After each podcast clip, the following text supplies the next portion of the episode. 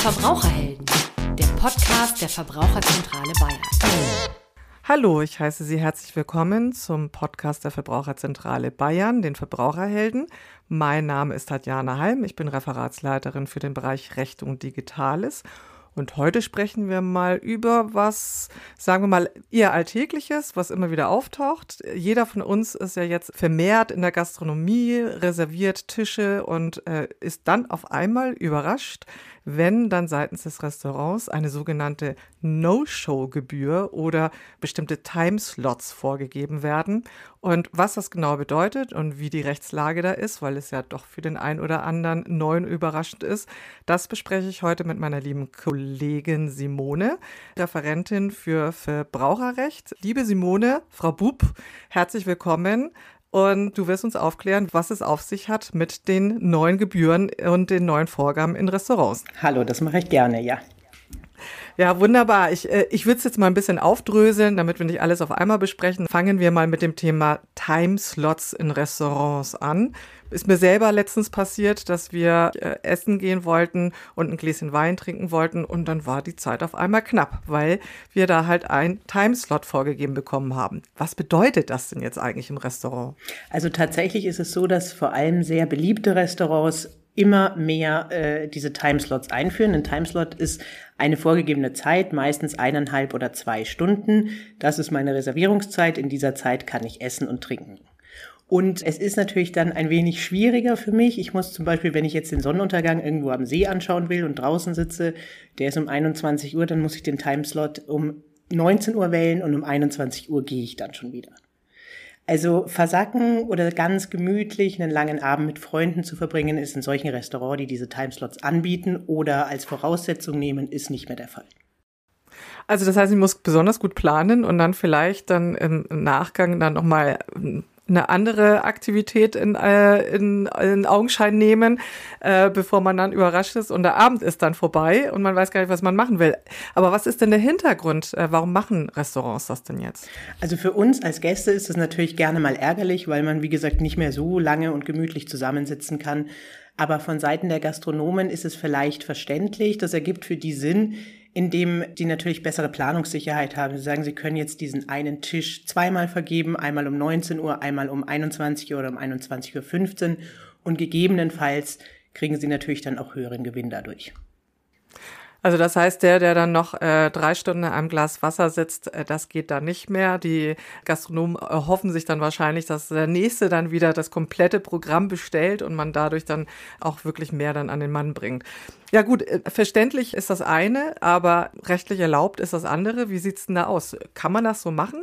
Der Gastronom kann das so machen. Er kann vor Vertragsschluss seine Voraussetzungen mir geben. Er kann ja zum Beispiel auch sein Hausrecht ausüben und er kann sagen, unter den und den Gesichtspunkten schließe ich den Vertrag, zum Beispiel unter diesen Reservierungszeiten. Das darf er machen, ja.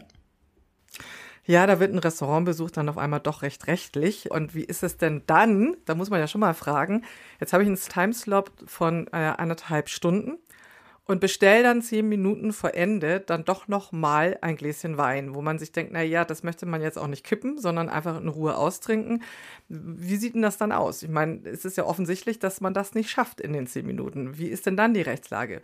Muss ich selber darauf achten als Besteller oder muss ich darauf hingewiesen werden, dass es jetzt nicht geht? Wer hat denn da die Pflicht darauf zu achten, dass diese eineinhalb Stunden noch wirklich eingehalten werden? Wie verbindlich sind die denn? Ja, das ist schon eine interessantere Frage. Also da wird es tatsächlich etwas rechtlich, wobei auf der sicheren Seite bin ich natürlich als Verbraucherin, wenn ich jetzt sage, okay, ich frage kurz vor Zeitablauf meine eineinhalb Stunden den Kellner, können wir noch was bestellen? Ist der Tisch vergeben oder nicht? Wenn der sagt ja, natürlich, äh, und danach kommt zum Beispiel der Geschäftsführer und sagt, jetzt sind aber die eineinhalb Stunden um, dann kann ich da ganz entspannt meine Flasche Wein äh, austrinken und muss die nicht in fünf Minuten runterschütten. Wenn ich jetzt aber einfach nicht drauf geachtet habe und der Kellner achtet dort auch nicht drauf und ich bestelle noch was und dann ist der Tisch tatsächlich vergeben, ist es sicherlich am besten, man redet einfach mit denen und setzt sich vielleicht dann an die Bar um oder sonst irgendwas. Also, aber ich glaube nicht, dass es, es ist noch nicht entschieden. Ich glaube nicht, dass sie mich einfach so wegschicken können. Die müssen mich dann wahrscheinlich auch darauf hinweisen, dass ich in fünf Minuten oder in zehn Minuten aber gehen muss. Das eine ist das Rechtliche, das andere dann das Praktische. Also das heißt, rechtlich ist es noch nicht so ganz klar. Man gut, es ist jetzt auch relativ äh, neu mit diesen Timeslots in Restaurants. Am Schluss wird wahrscheinlich darüber entschieden werden müssen, wer dann wirklich welche Pflicht hat, also welche Aufklärungspflicht. Im rechtlichen sagt man ja auch ganz gern so Nebenpflichten. Äh, wer darauf achten muss, dass diese Zeiten eingehalten werden. Aber im praktischen nehme ich deinen, entnehme ich deinen Worten, am besten gucken, dass man irgendeine Kulanzlösung findet. Im Moment kann man sich ja auch vielleicht raussetzen und hat dann auch noch da eine Alternative. Aber man will ja nicht streiten, wenn man ein Gläschen Wein trinken möchte. Genau, und deswegen sollte man da einfach am besten natürlich selbst drauf achten und kurz mal nachfragen. Wie verbreitet sind denn diese Timeslots? Also wie häufig tritt das denn wirklich vor? Wie oft muss ich mich denn darauf vorbereiten? Weil letztendlich geht es ja dann auch um die Abendplanung. Also das heißt, man muss ja wirklich gucken, ist es da vielleicht gar nicht äh, möglich, lang zu versacken, wie du es ja vorhin gesagt hast. Äh, wie oft muss ich denn damit rechnen und wie präsent ist das denn überhaupt? Kriege ich das denn mit, dass es Timeslots gibt? Also es ist bisher nur in wenigen Restaurants der Fall, dass es diese Timeslots gibt. Vor allem in Ketten oder in angesagten Innenlokalen gibt es diese Timeslots. Aber wenn ich dort anrufe und reserviere oder wenn ich online reserviere, dann werde ich auch darauf hingewiesen. Dann muss ich mir schon eine bestimmte Zeit aussuchen. Blöd ist es natürlich dann, wenn man 17.30 Uhr bis 19.30 Uhr hat oder sowas oder ab 21 Uhr ist vielleicht auch ein bisschen spät. Aber ich sehe es oder ich werde darauf hingewiesen, dass es diese Timeslots gibt. Und wenn Sie nicht darauf hinweisen, dann können Sie auch nicht, wenn ich schon am Tisch sitze, sagen, übrigens, Sie müssten dann halt schon um 20.30 Uhr gehen. Das muss vorher vereinbart werden. Genau, richtig. Das muss vorher vereinbart werden. Na gut, also das heißt, man kann sich informieren und wenn man jetzt sagt, ich gehe danach eh ins Kino, dann ist egal. Dann bin ich ganz froh, dass das äh, dann wahrscheinlich auch zügiger geht und ich nicht meinen Kinostart verpasse. Wenn man es gemütlich haben will, dann ja, muss man vielleicht sich auch einfach was anderes suchen, wo man dann halt auch nicht befürchten muss, dass man dann gehen muss. Genau, dann lieber in die Kneipe seines Vertrauens gehen und da weiß ich dann, ich kann sitzen bleiben, solange ich will. Jetzt hatten wir noch ein zweites Thema, diese sogenannten No-Show-Gebühren. Das ist ja dann nochmal ein anderes Kaliber. Da geht es ja dann nochmal darum, dass wenn ein Tisch storniert wird, das auch was kostet für den Verbraucher, der dann den Tisch nicht rechtzeitig storniert. Was kann man denn darunter genau verstehen? Also No-Show, wie du schon gesagt hast, ist eine Gebühr, wenn ich reserviere einen Tisch ähm, und ich komme nicht und sag auch nicht ab. Allerdings äh, betrifft das nicht jetzt jedes x-beliebige Restaurant, sondern das betrifft bisher nur einige wenige Restaurants. Da können wir dann nachher gleich nochmal genauer drauf eingehen. Aber das sind entweder feste Gebühren, die mir vorher mitgeteilt werden. Wenn Sie nicht absagen, zahlen Sie den Betrag X. Oder wenn Sie äh, zwei Stunden vorher absagen, zahlen sie einen Teilbetrag. Und was meinst du, ist der Grund, warum die Gastronomen das jetzt ähm, so machen, warum sie dazu übergehen? Du hast ja gesagt, es sind ja noch nicht alle, aber ganz bestimmte. Was ist denn da die Motivation? Also was wir so mitbekommen ist, dass es vor allem kleine und hohe, höherwertige Restaurants sind, die wirklich eine begrenzte Tischanzahl haben, die jetzt auch keine Laufkundschaft haben, die meinetwegen drei, vier verschiedene Menüs anbieten, feste, und die haben natürlich sehr hohe Material- und auch Personalkosten im Einsatz.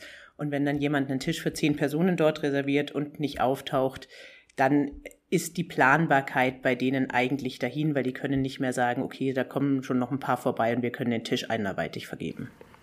Also auch hier Planungssicherheit, bessere Kalkulation und äh, weniger Ausfall. Vielleicht auch heutzutage besseren Einsatz von Personal, weil das ja auch in allen möglichen Bereichen natürlich auch immer wieder Thema ist, dass das Personal fehlt. Da kann man das wahrscheinlich auch noch besser kalkulieren.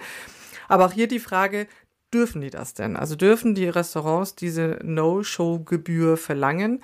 Äh, und wenn ja, in welcher Form? Also äh, zunächst ist vielleicht nochmal zu sagen, dass das Phänomen No-Show-Gebühr tatsächlich nur in sehr wenigen Restaurants auftritt oder verlangt wird vor allem, was ich vorher schon gesagt hatte, in, wenn feste Menüs angeboten werden oder wenn ich zum Beispiel ein Hochzeitsmenü buche für eine Veranstaltung, für eine Hochzeit in dem Fall, dann müssen die natürlich den Abend sorgfältig planen. Rechtlich ist es so, dass wir, haben es jetzt gesehen, bei Online-Reservierungen steht es tatsächlich bei der Online-Reservierung da. Ich muss die Kreditkartendaten angeben und es steht drüber, bitte beachten Sie, dass wenn Sie zum Beispiel 24 Stunden vorher nicht absagen, der Betrag X pro Person anfällt. Und das können Sie juristisch einwandfrei so machen? Also was ist da die Grundlage, dass man sagt, ähm, es ist ja noch nicht wirklich der Vertrag so zustande gekommen, wie man das meint. Ne? Ich sitze ja nicht da halt am Tisch und bestelle, sondern im Gegenteil, ich habe ja lediglich einen Platz am Tisch reserviert. Äh, gibt's das, gibt's die Rechtslage her? Das gibt die Rechtslage her. Also die Rechtsprechung sagt, ähm, wenn ich einen Tisch reserviere, vor allem jetzt, wie gesagt, mit dem festen Menü, aber auch ohne. Dann habe ich ein sogenanntes vorvertragliches Schuldverhältnis eingegangen. Da hat, habe ich und der Gastwirt bestimmte Pflichten, Nebenpflichten und äh, wenn ich nicht komme, wenn ich nicht absage meine Reservierung, dann kann der Gastwirt tatsächlich Schadenersatz verlangen da ist man dann im Nachhinein überrascht, was früher alles anders ging und wo man vielleicht früher gar nicht so drauf geachtet hat, dass man ja hier sozusagen ein vorvertragliches Schuldverhältnis schon eingegangen ist. Das hat man sicherlich nicht bedacht.